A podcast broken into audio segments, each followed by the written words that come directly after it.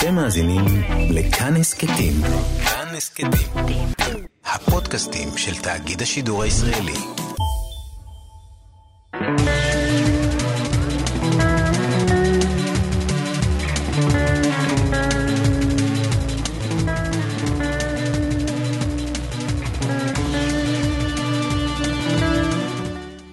שלום למאזינים, אנו נמצאים בתוכנית הספק, שיח אה, בין דתי על מושגים ורעיונות. אני הרב בני פרל, ראש הישיבה לאומנויות ולמדעים בר אילן בתל אביב, ואיתי נמצא הרב רומן קמינסקי מהכנסייה הקתולית. הפעם אנחנו נעסוק ביצר ובכיבוש היצר. שלום. שלום האב רומן. אה, לנו כאנשי דת יש רומן אה, ארוך עם היצר, במיוחד עם היצר המיני. אה, הדתות מנהלות איתו דו-שיח מאוד לא פשוט. אה, אני מרגיש אה, קודם כל רצון קצת להבין את העמדה הקתולית, ואני אסביר מדוע.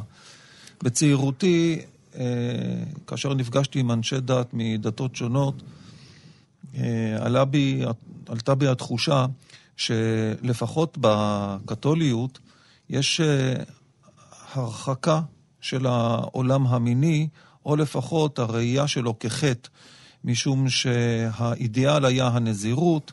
אה, דיברתי עם כמה נזירים, אה, משום שהחטא הקדמון אה, היה כרוך בעניין, בעניין מיני, ובעיקר משום שהמשיח הוא נולד לא כתוצאה ממעשה מיני פיזי.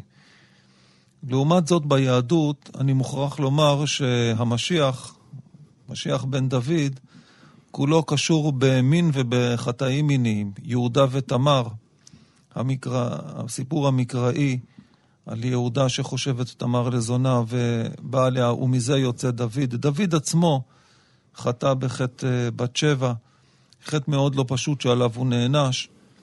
המשיח הנוצרי הוא בא בטוהר, ללא כל אה, אלמנט מיני, ואילו המשיח היהודי מגיע מתוך uh, סבך שלם של סיבוכים מיניים, ולכן uh, ניסיתי לתת לזה הסברים רבים, הייתי שמח לשמוע גם ממך קצת uh, על הסוגיה הזו, ונעסוק בהמשך גם ב, באמת ביחס שלנו, של שנינו, לעולם המיני. בעצם מה שאת אמרת זה נכון, אבל אמרת, זה היה פעם ככה, חשבנו, או כנסייה חשבה, כנסייה לימדה. אה, היום אה, אנחנו נגיד חוזרים למשהו שממש רגיל, טבעי, טוב. כמובן, השפעה של ההתייחסות לעניין של מין אה, בעבר, זה כמו שאמרת, זה עניין של הנזירים, הפרישות בין הכהני דת, וכמובן את החיים של מרים, לפי האמונה שלנו, מרים בתולה לתמיד. ישוע שגם נולד בדיוק, לא מגבר, אבל הוא בן אלוהים לפי אמונתנו, וגם הוא עצמו היה רווק כל החיים.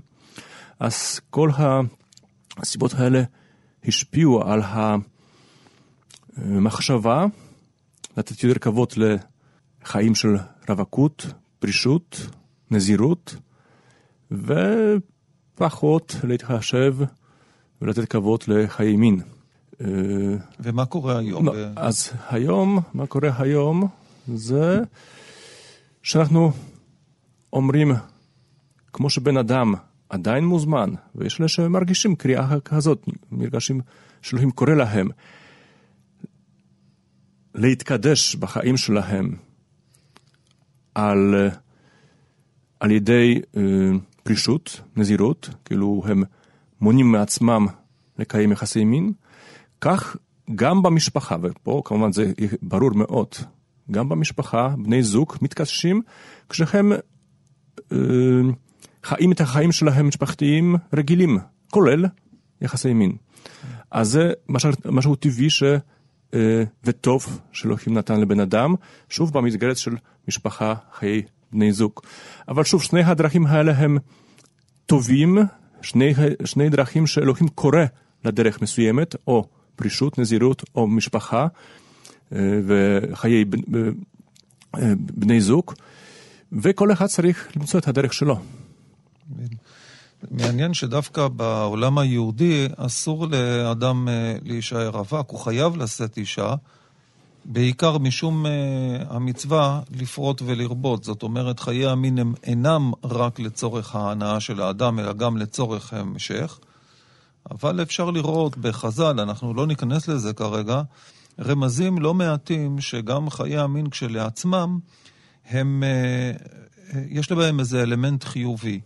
הדבר היחיד שהייתי רוצה להיכנס אליו, שהוא המשותף בינינו, זה התנ"ך. בתנ"ך יחסי האלוהים והאדם אה, מוצגים כמערכת יחסים שבין איש לאישה. הדוגמה המובהקת ביותר זה שיר השירים. אבל גם הנביאים, הושע ויחזקאל, כאשר הם מנסים, ועוד, כאשר הם מנסים לתאר את מערכת היחסים בין אלוהים לבין בני האדם, הם מתארים את זה כבעל ואישה. אתם אה, בוגדים, אתם אוהבים. אם אתה מנסה להשוות את מערכת היחסים בין האל לבין האדם אה, בעזרת מערכת היחסים המינית, משמע שהמין הוא דבר חיובי. נכון. קודם כל רציתי לחזור לדבר ראשון שאתה אמרת, כי פה דווקא אני חושב שגם פעם ביהדות, ואולי גם אה, בחלק של היהדות של היום, וגם פעם בנצרות, קתוליות, אה, ההתייחסות ליחסי מין לא היה כל כך ברור. זאת אומרת, אתה אמרת גם השני מטרות, גם לפרוט וגם להנות. כן. אבל יש אה, עדות, אני חושב שגם ביהדות וגם בנצרות, שאומרים לפרוט. להנות פחות, או אפילו אסור, כן? וכמובן, אה, היום כנסייה, לפחות כנסייה קתולית, מאוד ברורה. נתן לבני אדם את הגוף הזה ואת הדרך הזאת לחיות יחד, גם כדי לפרוט, להביא ילדים לעולם וגם כדי ליהנות. ושני המטרות מאוד חשובות. אי אפשר כאילו להגיד שזה יותר חשוב או זה, לא, שניהם חשובים. וכמו שאמרת אחר כך, כמובן, אה, אה, העובדה שתנ"ך, גם בדרשה, אבל תנ"ך, משתמש בתמונה של יחסים, מערכת יחסים בין אלוהים לבני אדם או לעם, אה, הוא מערכת של יחסים בין איש ואישה, זה נותן אה, לנו להבין שהיחסים האלה חשובים, אה, כולל יחסי מין, פשוט לדעת לבטא את האהבה בדרך כלשלה. אצל בני אדם זה גם כולל מין, כן? נכון.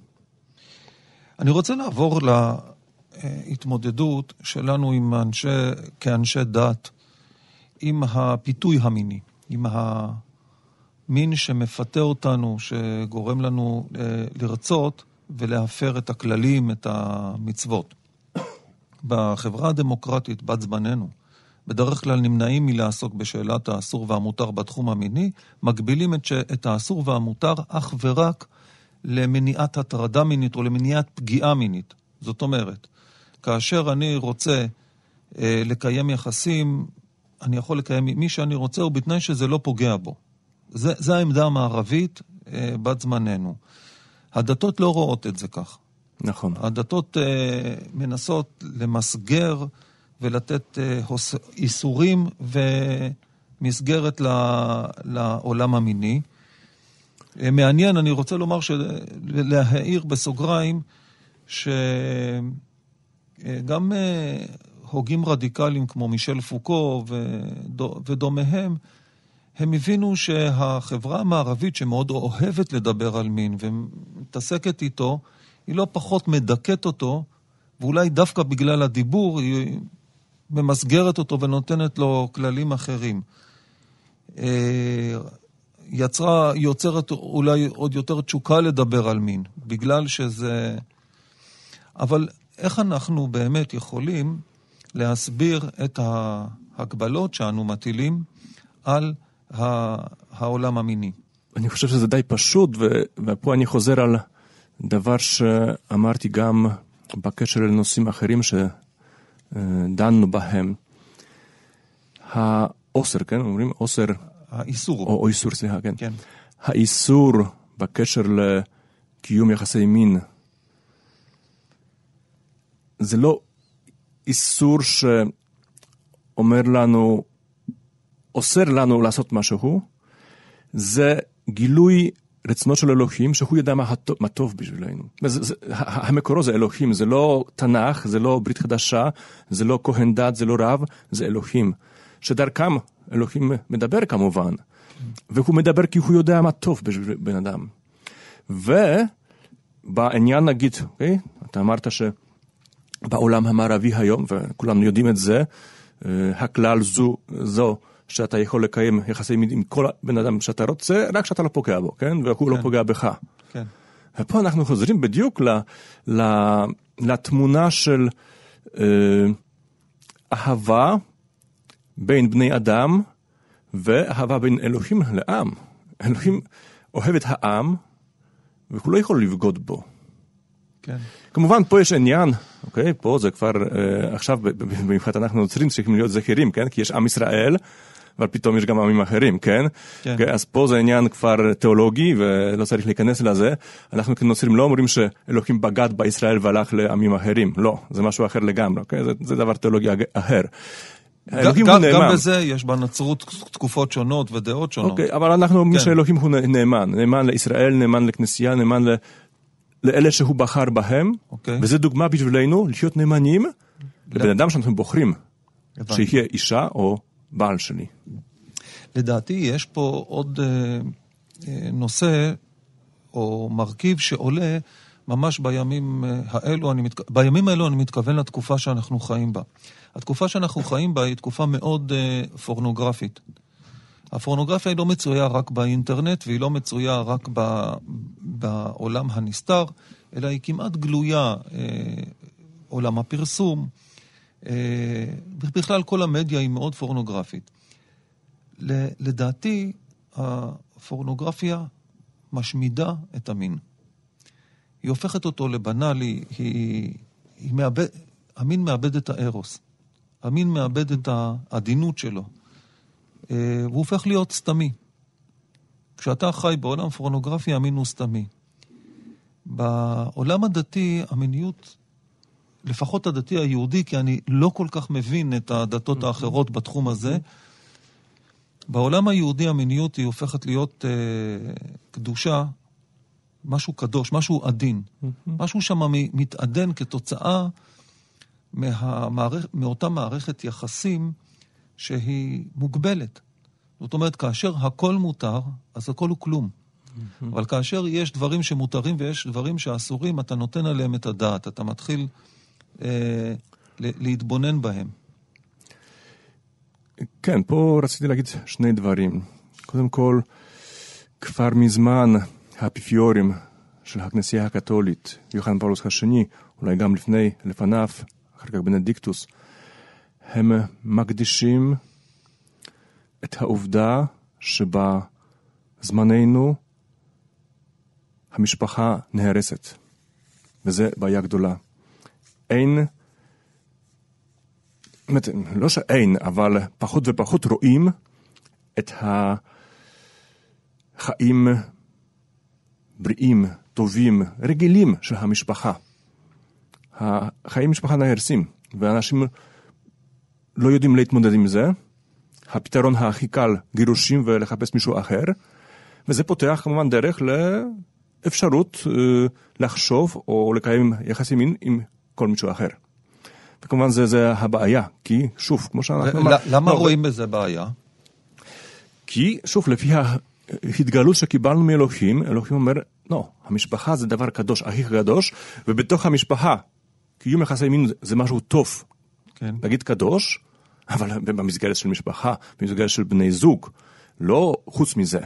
זה מה שאלוהים אומר לנו שזה טוב, ואנחנו רואים שזה טוב, ואנחנו רואים שאפילו אם אנשים uh, מתגרשים ואחר כך נהנים מחיי עם בני זוג אחר, לפעמים הילדים סובלים, לפעמים נכדים סובלים, לפעמים ההורים סובלים, כאילו אנחנו לא תמיד uh, יכולים לברוח, לא רוצים, אבל להימנע מהפגע, מהסבל שאנחנו גורמים לאחרים, כאשר אנחנו בוחרים לצאת מהמסגרת הקדושה של משפחה. ו, אה, ואז פה יש, יש בעיה. וכמובן פורנוגרפיה וכל דברים אחרים הם הדרך לצאת. כן. זה אפשרי, בואו נשתמש, המשפחה לא חשובה, לא המשפחה הכי חשובה.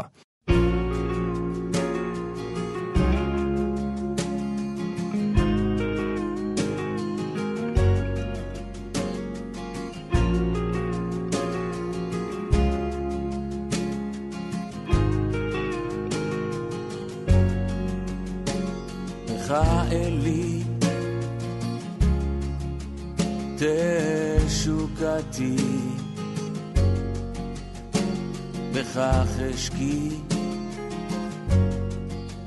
באהבתי, לך ליבי, וכליותיי, לך רוחי. ונשמעתי לך ידיי, לך רגליי, וממחי תכונתי, לך עצמי. לך דמי. ואורי עם גבייתי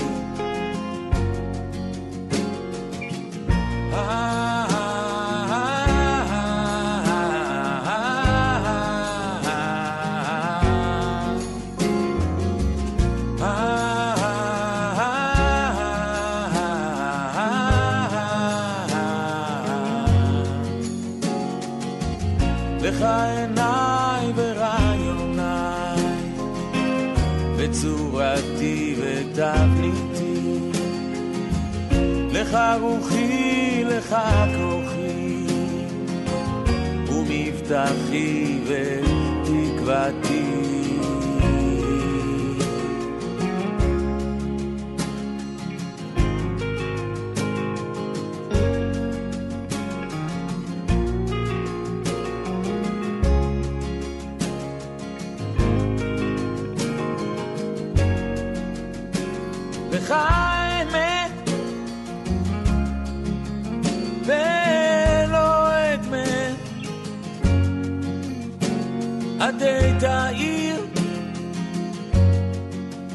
את אפלתי.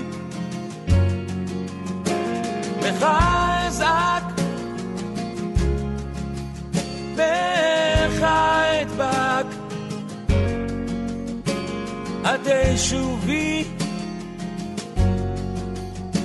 לאדמתי.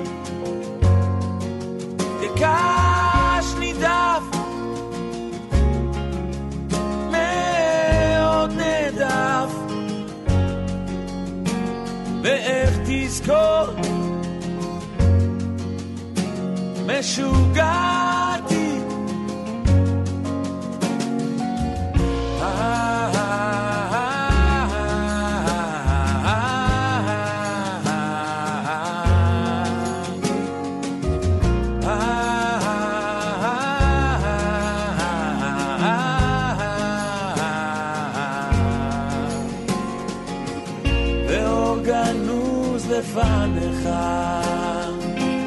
יהי סטרי וסוכתי, ותחת צל כנפיך, תנענע את מחיצתי.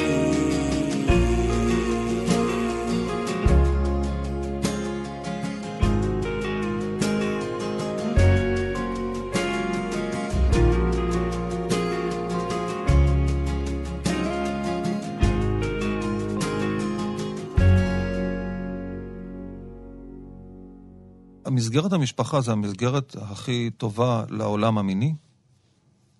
כן, גם. אני אנסה לפתח את מה שאתה כן. אה, הזכרת בקשר בין היצר המיני ליצר האלוהי.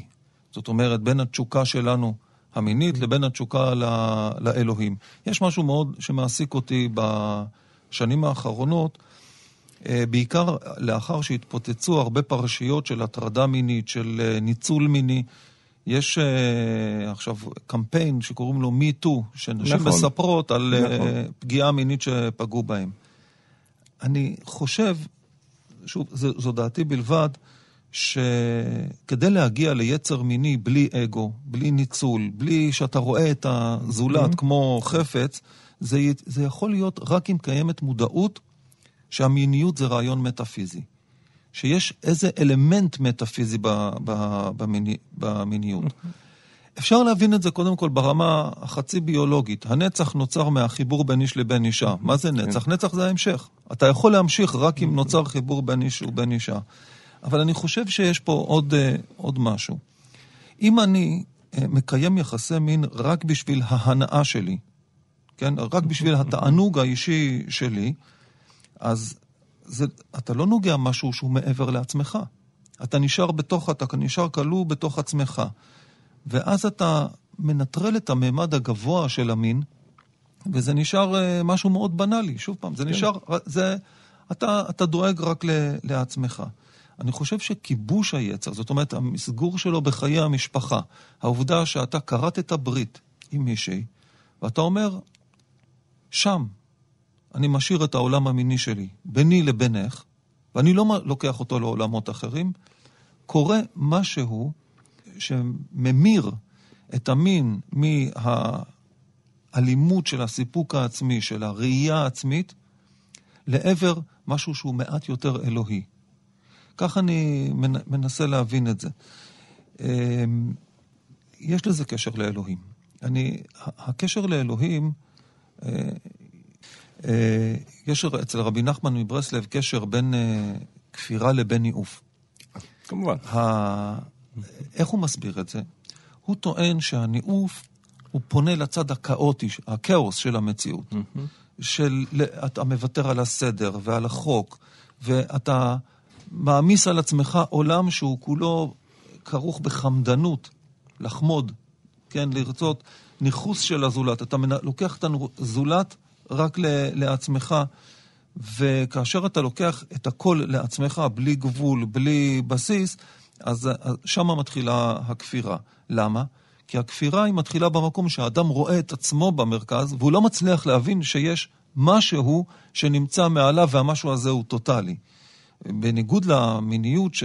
שהיא מתוקנת, היצר המתוקן, זה אתה, שופ... אתה רוצה שלמות, אתה רוצה אחדות, אבל כשאתה רוצה שלמות בינך לבין מישהו אחר, שלמות היא יכולה להתקיים רק uh, במקום שבו אחד מאלה שעושים את השלמות, הוא לא מבקש רק לעצמו.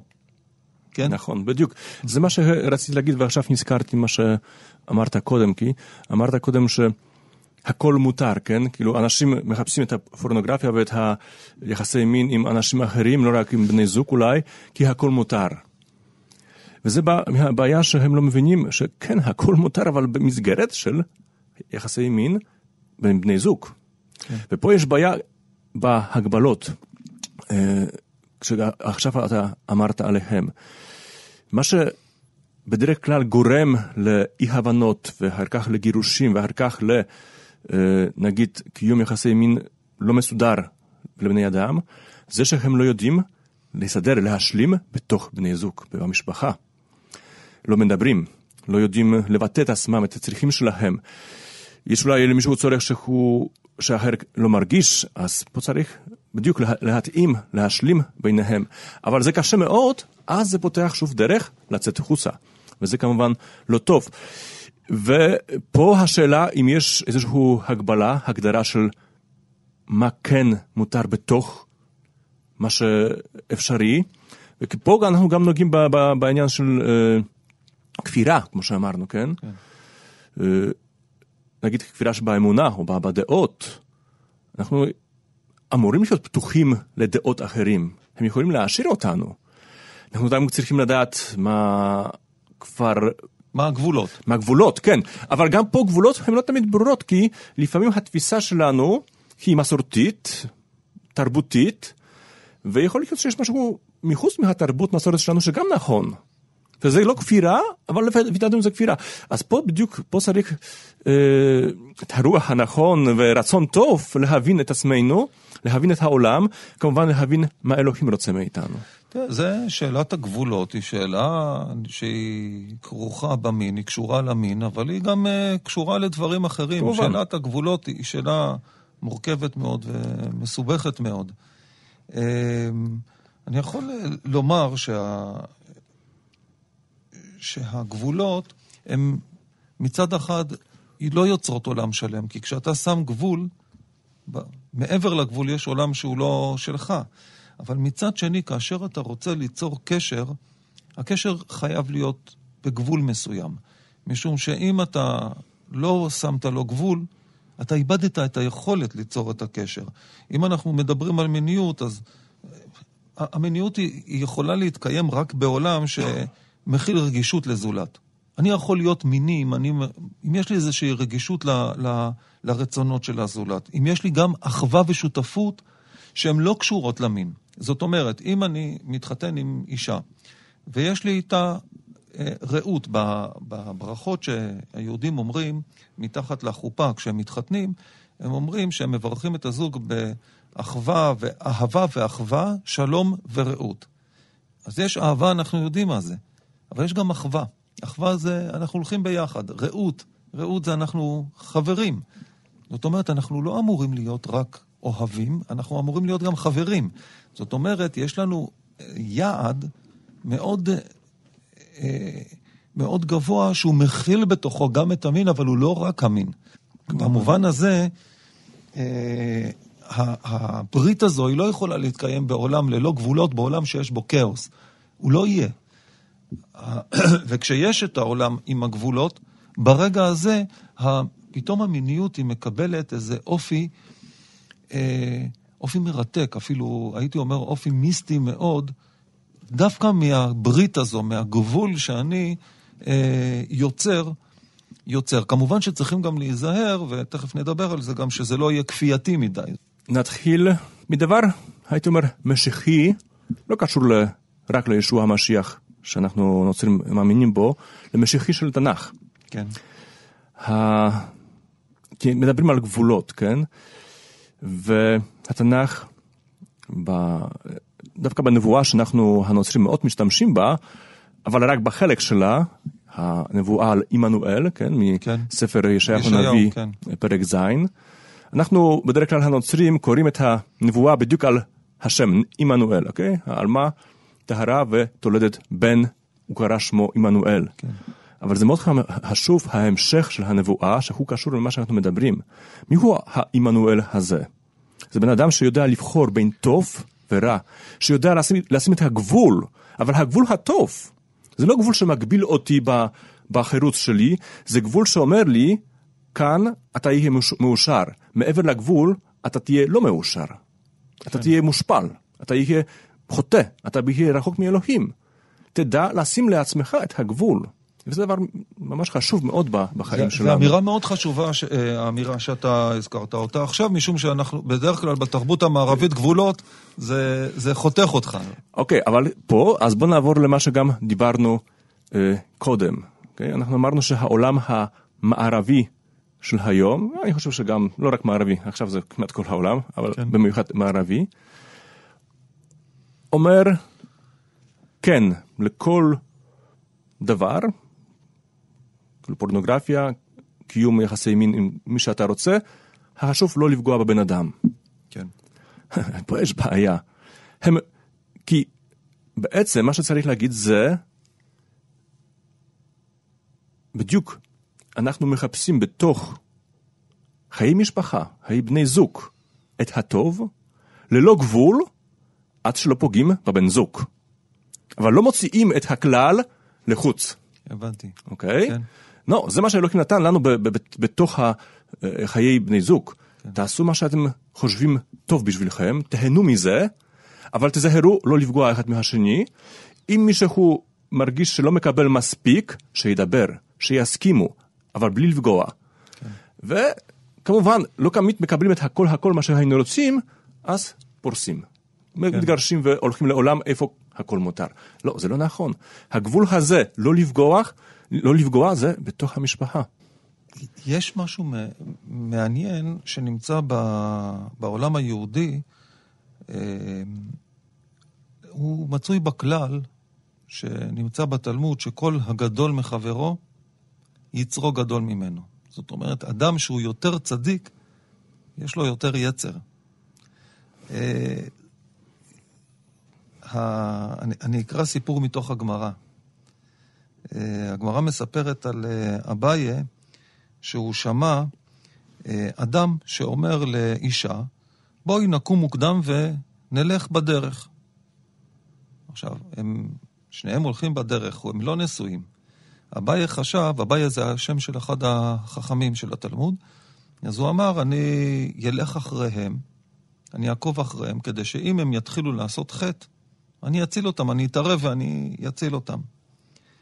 הוא הלך ו... הוא הלך אחריהם שלושה פרסות באגם, במקום נידח, הוא הלך אחריהם הרבה, וכשהם אה, נפרדו, אז הם אמרו אחד לשני, הדרך הייתה ארוכה, אבל ההליכה ביחד הייתה נעימה. והם לא עשו שום, אה, שום חטא. אביי חטף דיכאון מזה. הוא אמר, אם אני הייתי במקום הגבר, בטוח הייתי בוכה, ולכן הוא לא מצא מנוחה בנפשו. אז הוא הלך וכאילו תלה את עצמו, כאילו לענות את עצמו, לא תלה את עצמו בחבל, אבל הוא עשה איזה... הוא תלה את עצמו על וו הדלת. ובא איזה זקן אחד, וראה אותו, הוא שואל אותו מה קרה, אז הבעיה מספר לו את כל הסיפור הזה. אני לא הייתי עומד, והנה אנשים פשוטים, הם עמדו ב, ביצר.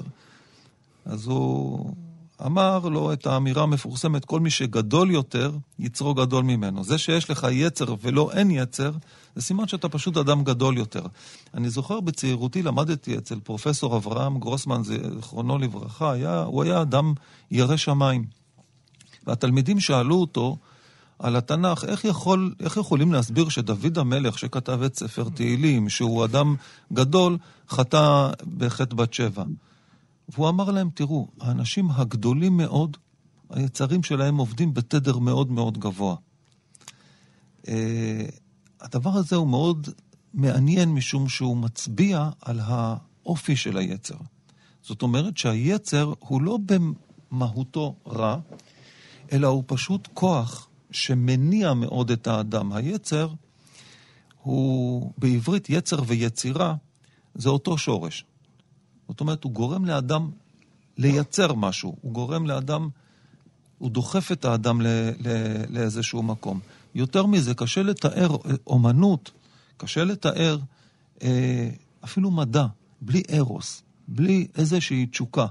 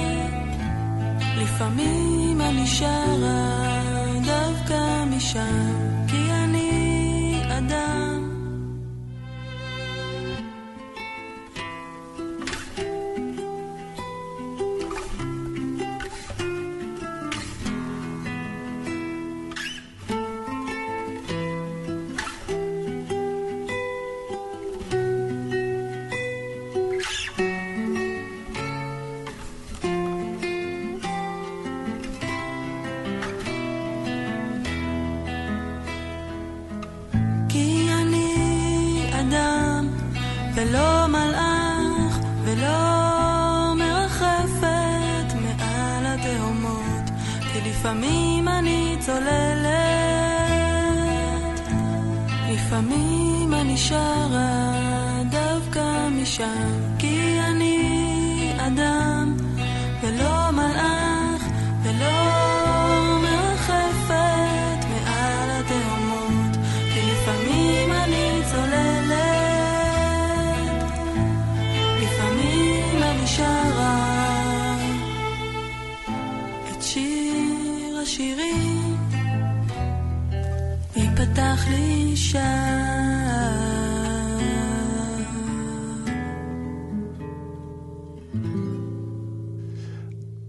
חושב שבעניין של הצדיקים, כן, אלה ש... הסיפור מאוד יפה שאתה אמ, הבאת. אמ, בעיה היא, וזה לא משנה אם הם נשואים או הם נזירים, חיים בפרישות, הבעיה שהם יותר מדי דואגים, כי הם מרגישים אחריות לחיי של אנשים אחרים, ופחות חושבים על עצמם. ואז הם יודעים להסביר לאחרים מה לעשות, ונופלים באותם חטאים, כן? כי הם לא זכירים באופן רוחני מה הם עושים. אני חושב שזה אחת מהסכנות. פשוט אה, הם כל כך כאילו מרגישים מנותקים מהבעיות האלה, שפתאום לא, לא, לא, לא, לא, לא, לא אה, שמים לב שהם באמצע, בעצמם, בעצמם בבעיות האלה. וזה יכול להיות סכנה, ופה כמובן, אה, אם בן אדם הוא ממש מנסה להיות צדיק, בן אדם טוב, ללכת בדרך של אלוהים וגם להדריך אנשים בדרך של אלוהים, הוא יהיה זהיר לחיים שלו, הוא גם יקדיש אה, תפילה, זמן אה, מחשבה, מה קורה בחיים שלו, איך הוא מתמודד עם כל הבעיות, היצר, ואיך הוא מצליח עם זה, וככה הוא גם אחר כך ישמח לראות שאנשים פשוטים גם, שאנשים מה? פשוטים גם מנצחים. כן. זה, זו, ש, זו שאלה מאוד גדולה, עד כמה אנחנו יכולים אה, באמת לרסן את היצר. בחז"ל, הם אומרים אין אפוטרופוס לאריות. הכוונה היא, אין מי שבאמת יכול לרסן, רסן? לרסן הכוונה היא למנוע, להגביל באמת את היצר הזה. בגמרא, בסוף מסכת קידושין, יש אה, סוגיה מאוד גדולה שהיא מתארת חכמים גדולים שכמעט נכשלים בכל מיני חטאים. אה, רבי עקיבא, רבי מאיר, שהשטן מתחפש לאישה, עולה ועומד בראש הדקל, ואז הם רצים ועולים אחריו, ואז הוא מתגלה ואומר להם, תראו, אני השטן, אבל אם לא הייתי מתגלה, הייתי מוכר אתכם בשתי שקל. אתם לא שווים הרבה. אה, מסופר, יש סיפור מאוד אה, מפעים על אדם שקראו לו רב עמרם חסידה, שהוא הציל אה, נשים שנשבו, ושם אותם בעליית הגג, ובאמצע הלילה האור האיר עליהם, והוא נתקף ביצר כל כך גדול, עד שהוא לקח סולם שאף אחד לא היה יכול להרים אותו, הגיע אליהם והתחיל לטפס עליהם, והוא הבין מה הולך להיות, אז הוא צרח, יש פה אש, יש פה אש. באו אנשים לכבות את האש, ראו אותו בדרך אליהם. התלמידים אומרים לו, תראה איך ביישת אותנו, אנחנו התלמידים שלך, ואתה רצית לעשות כזה חטא. הוא אומר להם, עדיף שתתביישו בי בעולם הזה, ואתם לא תתביישו בי בעולם הבא. יש סיפורים, עוד סיפורים כאלה, סיפורים רבים שנמצאים שם, והשאלה שאני מנסה כל הזמן לשאול את עצמי, האם הגמרא לא מנסה לומר לנו שאנחנו יכולים להילחם כמה שנילחם, הוא ינצח, היצר. היצר. לא תמיד, אני- לא כן. תמיד, אבל אני חושב שזה מזכיר לי מה, מה שרציתי להגיד קודם, לא בדיוק, אבל זה היה הולך בכיוון הזה. אמ, וזה גם קשור בדיוק למה שהרבה פעמים דיברנו על משפחה, חיי בני זוג. הכרה, להכיר את עצמנו, אני אישית את עצמי, כמובן בחיי בני זוג, להכיר את הזולת שלי, אה, בן זוג שלי. אה, וזה זה עבודה אנושית, פסיכולוגית לפעמים, אבל חשובה. לא תמיד יש זמן, לא תמיד יש כישרונות, לא תמיד יש אפשרות להכיר בעומק את עצמנו. כדאי להתחיל קצת ו- ו- ולהבין מה אנחנו, מי אנחנו, ופה מגיעים אולי ל... זה לא ש... אין, אין, אין דבר שאנחנו נוכל להגיד, אנחנו בטוחים בעצמנו, אנחנו כבר לא ניפול בחטאים, אין דבר כזה. אם מישהו אומר ככה, הוא יהיה ראשון שיפול. נכון. אבל, אבל, אה, מה, ה- למה צריך להוביל אותנו את ההכרה של עצמנו? לדעת את ההגבלות שלנו האנושיות, מי אנחנו. וההגבלות האלה קובעות, זה, זה משהו שקובע. אבל עצם הידיעת ההגבלות היא תועיל שאנחנו נוכל באופן טוטאלי לא, לא ל- להיכשל? לא, לא, בדיוק לא. זה, זה לא רק לדעת, זה גם להתפייס. אני כזה, ואולי אי אפשר לשנות את זה, בוא נקבל את זה, ולא לא נעשה מזה דרמה. פשוט זה ככה, זה, זה דרמה, לפעמים זה דרמה, כשממש אה, מגלים את ההגבלות שלנו זה, זה כואב מאוד. אז זה, זה, זה דרמה, כן, אבל בדיוק זה תהליך רוחני שמתפייסים עם זה, ו... אז יש לנו כלי יותר חזק, יותר טבעי, גם לשלוט על עצמנו, לגעת, זה אנחנו. אבל פה גם צריך דבר אחר להגיד, כי יש דברים, יש הגבלות שהן ניאוטרליות, כאילו משהו שאין לי כישרון למשהו, אה, אני מכשיל בדברים פשוטים, כן? וזה משהו שאפשר לעבוד על זה, אבל זה לא חטא, זה משהו שפשוט ההגבלה שלי, הגבולות שלי. אבל יש הגבלות שהן קשורים לחטא. כאשר אני אה, לא יכול בדיוק, אה, אה, נגיד, אני כועס בקלות, אני מתעצבן בקלות, אני בעניין של, של מין אה, לא יכול להתאפק, או מחפש כלשהי אישה, או אה, עושה את זה עצמי. פה יש ואני אומר, זה, זה, זה אני, כן, זה ההגבלה שלי, אני לא יכול בלי זה. לא, פה, אם אנחנו נוגעים בהגבלות שמובילות אותנו לחטא, לפגוע בבני אדם אחרים או בעצמנו, אז פה צריך לעבוד על זה. זה, זה לא עניין של אפשר, פה זה צריך, וצריך אפשר לשנות את זה. אז גם פה צריך, אנחנו צריכים להיות, להיות מאוד כנים עם עצמנו, ושוב, במסגרת של בני זוג, הם צריכים להיות מאוד כנים ביניהם, כדי לדעת ליצור את ה... אה, בן אדם הנכון, הבן אדם טוב שבתוכנו. נכון, המודעות היא חשובה מאוד, אבל הזכרת עוד מילה שלדעתי אנחנו טועים שלא משתמשים איתה הרבה. נכון. וזה, וזה הפיוס. אתה הזכרת את הפיוס. הפיוס הוא מבחינתי אה, אלמנט מאו- מאוד חשוב ב- במבנה, לא רק האנושי, אלא גם במבנה הדתי. כן, האפשרות לחזור בתשובה. נכון. האפשר, האפשרות לחזור בתשובה היא קיימת תמיד.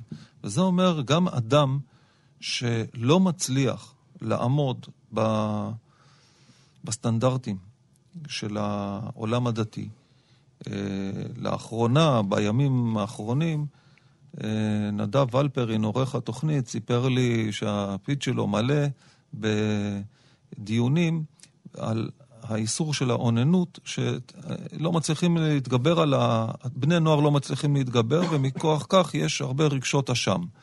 אז קודם כל, אני לא, לא נבהל מרגשות אשם. מה שפיתח את האנושות זה רגשות אשם. רגשות אשם זה לפעמים טוב. אבל אני חושב שמה שאמרת הוא חשוב. יש גם את העולם של הפיוס. בואו נתפייס קודם כל עם עצמנו, ונדע שנכון, אם אנחנו פוגעים בזולת, זה לא. זה פשוט לא. אבל אם אנחנו נכשלים בלי פגיעה בזולת, יכול להיות שמה שאתה אמרת, של, שעולם הפיוס הוא עולם שיכול גם לרפא. אני לא, לא יודע, אני לא פסיכולוג, אני לא מבין בזה הרבה, אבל בתור תיאולוג אני יכול לומר שעולם הפיוס נמצא כל הזמן בדתות.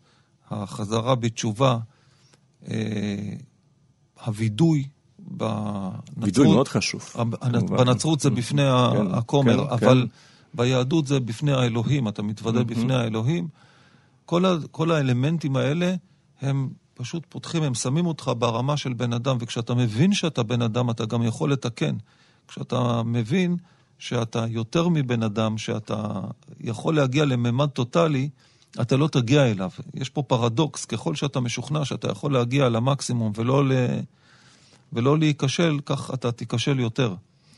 נכון. כן, אבל אה, דווקא גם רציתי להגיד מילה על וידוי, זה מאוד חשוב.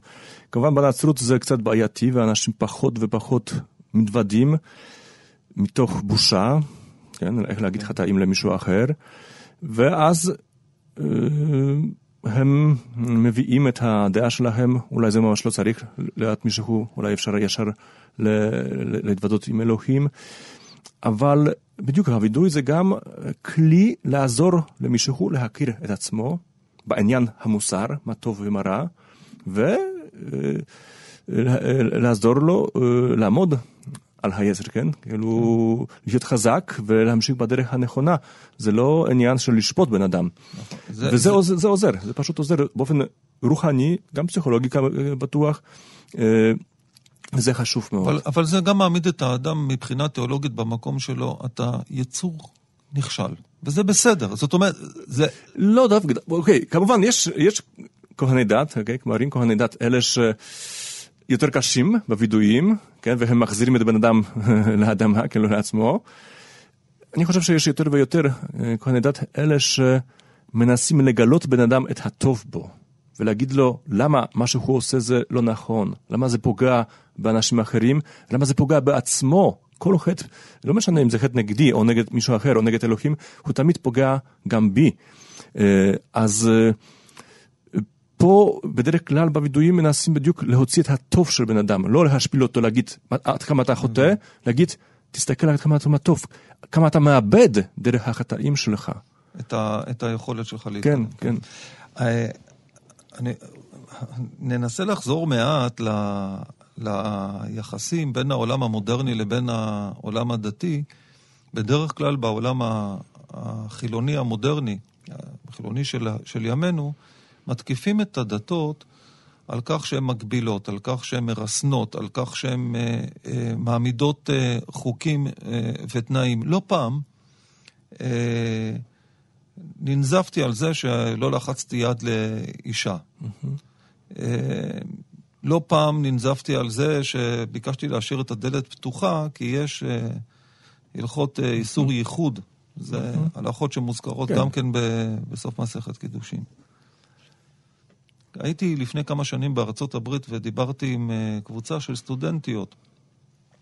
לאחר מכן ישבנו לאכול ושמעתי שהן מספרות אחת לשנייה בבדיחות הדעת, זה הצחיק אותם, על כל מיני תקנות למניעת הטרדה מינית שתוקנו במשרדים ששם הן עובדות. אני מאזין להם, ואני אומר להם, תגידו, איזה תקנות? הם אמרו למשל שצריך להיות אה, דלת פתוחה, או שהחלון יהיה פתוח, שאסור שגבר ואישה יהיו לבד אלא רק עם שני נשים, וככה הן ממשיכות לתאר, ואני אומר להם, בנות, אני מכיר את התקנות האלה, אבל הן לא חדשות, הן נכתבו לפני 1,600 שנה. הן אומרות לי, איפה 1,600 שנה? אמרתי להם, זה מוזכר כבר בגמרא. אם אתם תפ... תפתחו את שולחן ערוך אבן העזר, סימן כ"ב, אתם תגלו ששם זה הסיכום של ההלכות מתוך, ה... מתוך הגמרא. אתם תגלו את התקנות להטרדה מינית שעכשיו נקבעו.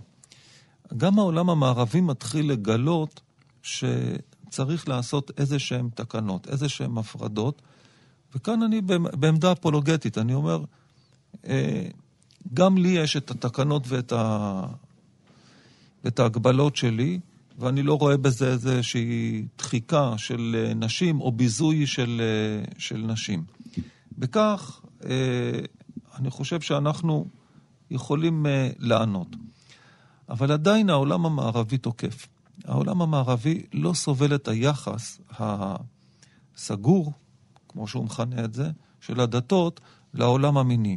העולם המיני נתפס בעיני הרבה מאוד אנשים שחילונים, הוא נתפס כמשהו שהדת מנסה להרחיק ולד... ו... ולדחות אותו, ובהגות הפמיניסטית, אה, הדת מותקפת על, גם על הניסיון לשים את המבנה של המשפחה כמבנה של גבר מול אישה, ילדים, רכוש, שזה מבנה פטריארכלי, מבנה של, שיש לו פטריארך, כן? ש, ששולט על, על הכל, וזה המבנה שמתאים גם לעולם ואלוהים. אלוהים שולט על העולם, וכך להפוך את הגבר ל, לאלוהים. אה, האם אתה הרגשת גם אה, שאלות מהסוג הזה? יש שאלות שמופנות אליך, שאתה אה, נתקלת בהן מצד העולם החילוני כלפי העולם הדתי? בוא נסביר את זה ככה אולי. אוקיי? כמו שאתה אמרת, כבר בגמרא, כן, יש תקנות האלה. ואני חושב, ואני יכול לדמיין, שהם נכתבו כדי לשמור על המשפחות, כן? כאילו כן. שבעל יחיה עם אישה, אישה עם בעל, ולא יחיה משהו אחר. ושוב, אנחנו מגיעים לזמן שלנו, איפה כבר חיי משפחה לא כל כך חשובים וקדושים, אבל כל אחד רוצה לשמור על הכבוד שלו, עצמו. ופתאום, עם כל החירות אה, בקשר להתנהגות, גם בעניין של יחסי מין, אנשים מרגישים לא נוח, כי הם רוצים לעשות מה שהם עושים, אבל עם מי שהם רוצים, אבל אם מישהו, מישהו שהם לא רוצים, אז רוצים כאילו שהוא יהיה אה, רחוק, כן? אז נגיד האיסור, כן? כן. הדלת פתוחה. אוקיי? אז מישהו יגיד, כמובן שיחיה לדלת פתוחה, אני, או אישה נגיד, או גם איש, לא משנה, אני מדבר עם מישהו, אני רוצה להיות בטוח שלא יקרה משהו, כן? כן. אבל באותו זמן, אם פתאום יש, כמו שאומרים, כימיה או תשוקה ביניהם, הם עצמם יסגרו את הדלת, כן? כן. וזה יהיה בסדר. זו משפחה, אבל בסדר, כן? כן. לא, רגע, רגע, מה קורה כאן? מה קורה כאן? כאילו, מגיעים לעולם, לזמן, איפה הכל מותר, אבל רק כדי שלי יהיה טוב. נכון, אנחנו חוזרים okay. אוקיי? בחזרה לנקודה הזאת. ואנחנו כבר, ומגיעים לרגע, לימים, ש... אנחנו פוחדים מאנשים אחרים, כי גם הם רוצים אותו דבר, ואולי יש, אין להם גבולות כמו שיש לנו, ואז אנחנו צריכים פתאום את התקנות שנכתבו לפני 1,600 שנים, במטרה טובה לשמור על משפחה. כן. כן? פה יש ממש איזשהו פרדוקס, וזה זה, זה עצוב, הייתי אומר, שהיום אנחנו מגינים את עצמנו מאנשים שכמונו רוצים להיות חופשיים, אבל יש לכם הגברת גבולות אחרת משלנו. ולא לא מכירים בקדושה, בטוב, מה שאמר לנו אלוהים בתנ"ך ובברית אה, חדשה, כמובן, כולנו הנוצרים. נכון. אני, תראה, אני בהחלט מסכים, אנחנו דיברנו על זה ככה לא מעט בשיחה הזו שבינינו. אה, אני חושב שהתקווה של העולם המיני נמצא דווקא אצלנו, אנשי הדת. כן. משום שאנחנו יכולים להחזיר את העולם המיני מהמרחב הפורנוגרפי למרחב האינטימי. נכון. לתת לו, הפורנוגרפיה, כפי שהזכרנו, היא מחסלת לאט-לאט, אבל באופן בטוח, היא מחסלת את האינטימיות, היא לוקחת את הארוס ומשאירה בנאליות. והניסיון שלנו כאנשי דת זה להחזיר את המיניות למקום האירוטי שלה, למקום הגבוה שלה, למקום של המחויבות. לפחות אני מרגיש שלי כי, לי אין כוח לעשות את זה, אבל אני קורא להרבה מאוד אנשי דת, להרבה מאוד רבנים, לנסות להחזיר, לעשות את זה בחזרה. לקחת את המיניות, ובעזרת העולם הדתי, העולם שמעריך ומכיר שיש משהו מלמעלה, שיש משהו מטאפיזי, להפוך גם את העולם המיני לעולם שהוא, שהוא מטאפיזי. אה, אני רוצה ל... ל כן. אה, עוד רציתי להגיד דבר אחר.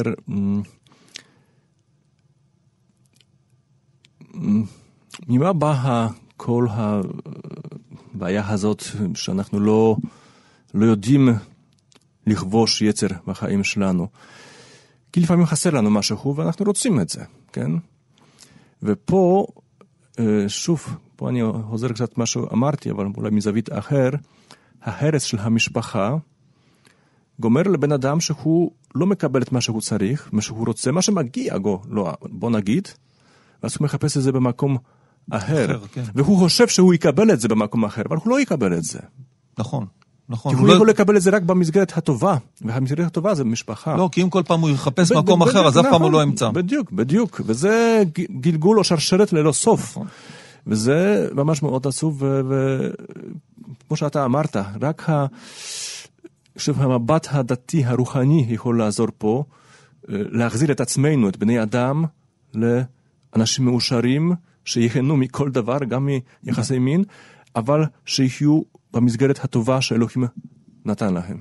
כן. אני רוצה לסיים עם uh, uh, משפט מאוד uh, מעניין שמצאתי אותו בספר הזה. הספר הזה, צדקת הצדיק, שכתב אותו רבי צדוק הכהן מלובלין. יש לו קשר נחמד אליך כי הוא היה פולני. רבי צדוק הכהן מלובלין כן. גר בלובלין. אדם שכתב הרבה ובחריפות מאוד גדולה. הוא כותב שמי שיש לו תשוקה גדולה לתאוות הגוף, מתכוון לתאווה המינית, אל יתעצב בזה, שהוא לא יהיה עצוב.